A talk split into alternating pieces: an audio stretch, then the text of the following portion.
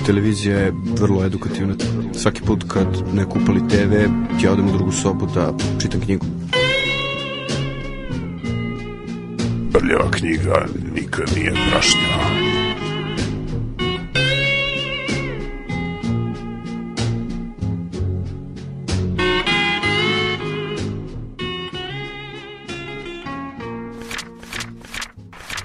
I evo danas slušamo Da zanimljivu muziku jeste. španskog gornog područja. E pa jeste. I onda je krajnji red i ovo ovaj je odličan šlagvort muzički za da.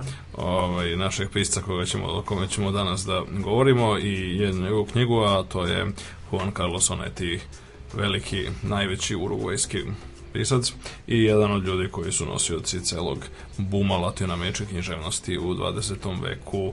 Znači, Juan Carlos Sonetti, kao i većina ljudi o kojima smo govorili, je živao tokom većeg dela 20. veka, rođen je 1909. u Montevideu, glavnom najvećem gradu Urugvaja i umro je 1994. doduše u izgnanstvu u Španiji, a reći ćemo i zašto. Ono što je zanimljivo jeste da je Oneti nasuprot nekim drugim herojima knježevnosti o kojima smo govorili u prethodnim ovim, ovim rubrikama, jedan pisac i jedna knjiga, je Oneti je recimo bio jako veliki pisac i veliki intelektualac, ali potpuno samodidakt, autodidakt ili kako bi se to reklo samo samovuk čovjek je ovaj, nije nikad završio ni srednju školu iz koje je bio izbačen i jedno vrijeme mi se zove radio je mi se zove kao raznosač novina pa je onda nakon toga počeo da radi kao novinar mm -hmm. e, i onda je e, pošto je pobegao iz rodnog ovaj, Montevideo u susedni Buenos Aires, a kako pogledate mapu već da je to znači preko puta praktično sa druge strane ogromnog zaliva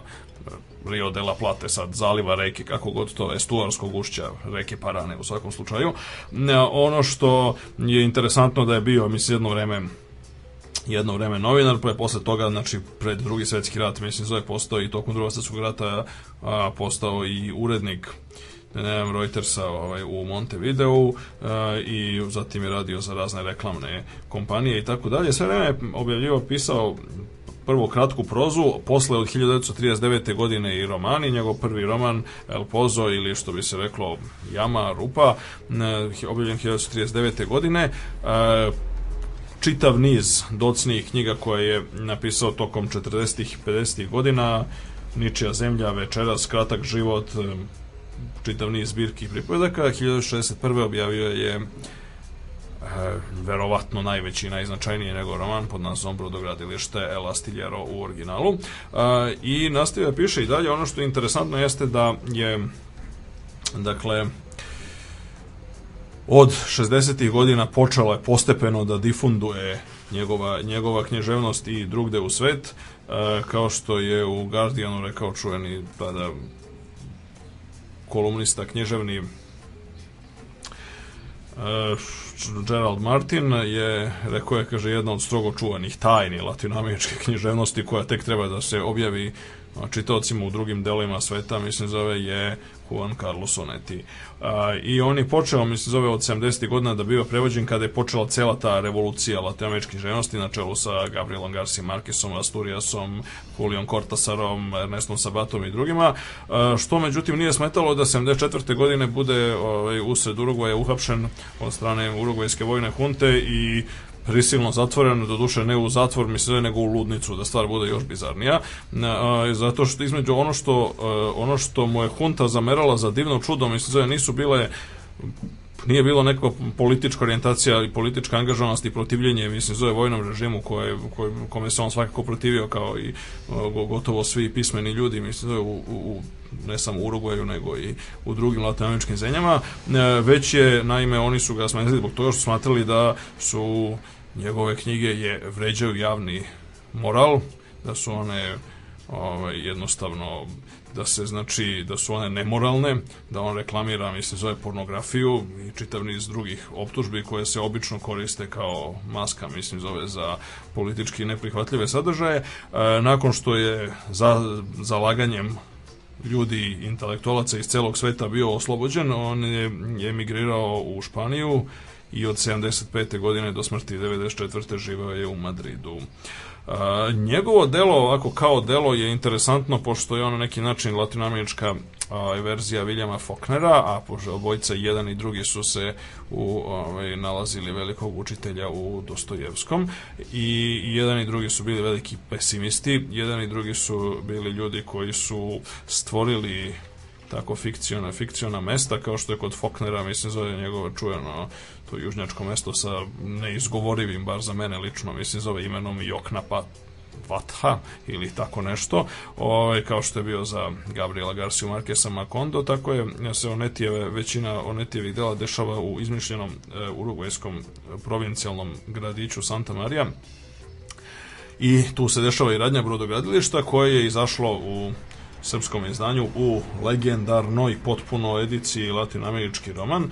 Znači, onaj original je španski je 1961. a E, srpsko izdanje e, je, odnosno izdanje na jugoslovenskim područjima, pošto za divno čudo mi se zove ovde je sarađivao čitav niz, znači Svjetlosti Sarajeva i Prosveta, Rad, Narodna knjiga iz Beograda i književne novine, mislim da je i čitav niz ovih e, drugih izdavača na ovom izdanju, e, a štampano je recimo u Ljubljani, na primjer. E, to je izašlo 84. u potpuno abnormalnom i uvek fascinantnom tiražu od 8700 primeraka u rubrici čije koje za divno čudo, dakle u prevodu, jako dobrom prevodu Marija Dimitrijević, a ceo ova edicija Kispamički roman, ja ću to još jednom da naglasim, bez obzira koliko bilo politički ovaj, neko nekorektno, je, je uredio i za to mu zaista valjavati svako priznanje, za razliku od nekih docnih javnih i političkih angažovanja, uredio je Milan Komnenić. Eh, ono što je ovo sjajna, dakle, sjajna biblioteka i u prvom, u, u prvom kolu, mislim, zove je izašlo, mislim, da bila su dva kola, u prvom kolu je izašlo, izašlo i brodogradilište.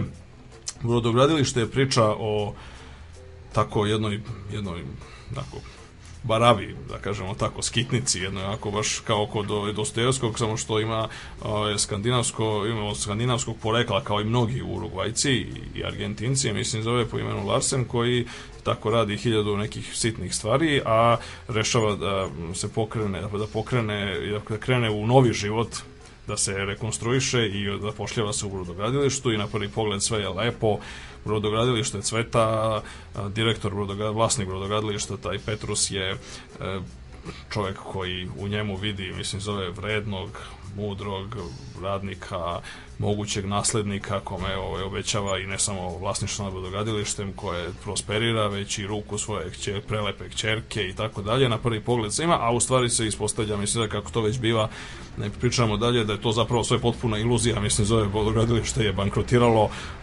vlasnik se sprema da ide, ali u zatvor, mislim zove će njegova čerka je mentalno bolela, mislim zove i u čitav niz, mislim zove stvari je, ovaj, je u stvari zapravo potpuna iluzija, mislim zove ono što to je na neki način, na neki način to je jedan ovako književni, jedan ovako Forrest Gump, da, da tako izrazim. Te u tom smislu za sam kraj, za sam kraj, kako to već biva, ovaj, odlomak iz brodogradilišta. Ako uzmemo u obzir mišljenja i procene onih koji su lično poznavali Larsena i verovali da što šta znaju o njemu, sve ukazuje da je nakon razgovora sa Petrusom potražio i našao najbrže prevozno sredstvo što se vratio u brodogradilište. Sada je trebalo, ili se naprosto odlučio za tu potrebu sa svim onim bolnim i poremeno grozničanim oduševljenjem koje mu je preostalo, da dobije u ruke krivotvorenu akciju i da je preda sa častoljubivim poštenjem, puno doznalosti, kao da se žrtvuje nečemu što mu nije davalo nikakvu prednost, nego ga je samo dovodilo do daljih otkrića. Mada nas zdrav razum i svedoci uveravaju da se one noći Larsen brinuo jedino da što pre stigne do brodogradilišta i osujeti nameru neprijatelja, pošto već beše smislio kako da iskamči zlosečne akcije. Isto tako je tačno da sada u ovom trenutku priče niko nikuda ne žuri i nema potrebe da tu prenagrijemo. Prema tome, Larsen je morao da zastane za trenutak, pošto je šiban kišom i vetrom kosimice prešao preko trga i da sa strahom, gnušanjem i nesavladivim uzbuđenjem otkrije da okolnost što se brodogradilište pretvorilo u zatvoren, izolovani, nezavisan svet, ne isključuje postojanje drugog sveta po kome je sada koračao i u kome je nekada prebivao. Skrenuo je na levo i uputio se pored reke. Činilo mu se da u neobičnoj svetlosti uličnih fenjera što su nihali na kiši prepoznaje ćoškove i mokra pročelja kuća. Ostavio je za sobom tamnu i bleštavu kocku carine, sišao do reke, i krenuo na put ka Enduru. Kiša beše prestala, vetar je počeo da kidiše na grad, zahvatajući nizove kuća. Ako već moram da se vratim, zašto baš po ovakvoj noći, zašto da hitam ka najprljavijem mestu na svetu? Išao je sa rukom ispod revera, pognuši glavu da mu vetar ne odnese šešir i pri svakom zvučnom koraku osjećao kako mu voda prodire kroz čarape. Već je dosta smrdelo na mrtvu ribu kada je ugledao žutu svetlost kafanice, a pola milje kasnije začuo muziku podrhtavanje valcera na gitari. Otvorio vrata, potom leđima pritvorio dok je kroz dim nazirao tamne glave, siromaštvo, prolaznu utehu, lenju, zlobu i večito zapanjujuće lice prošlosti.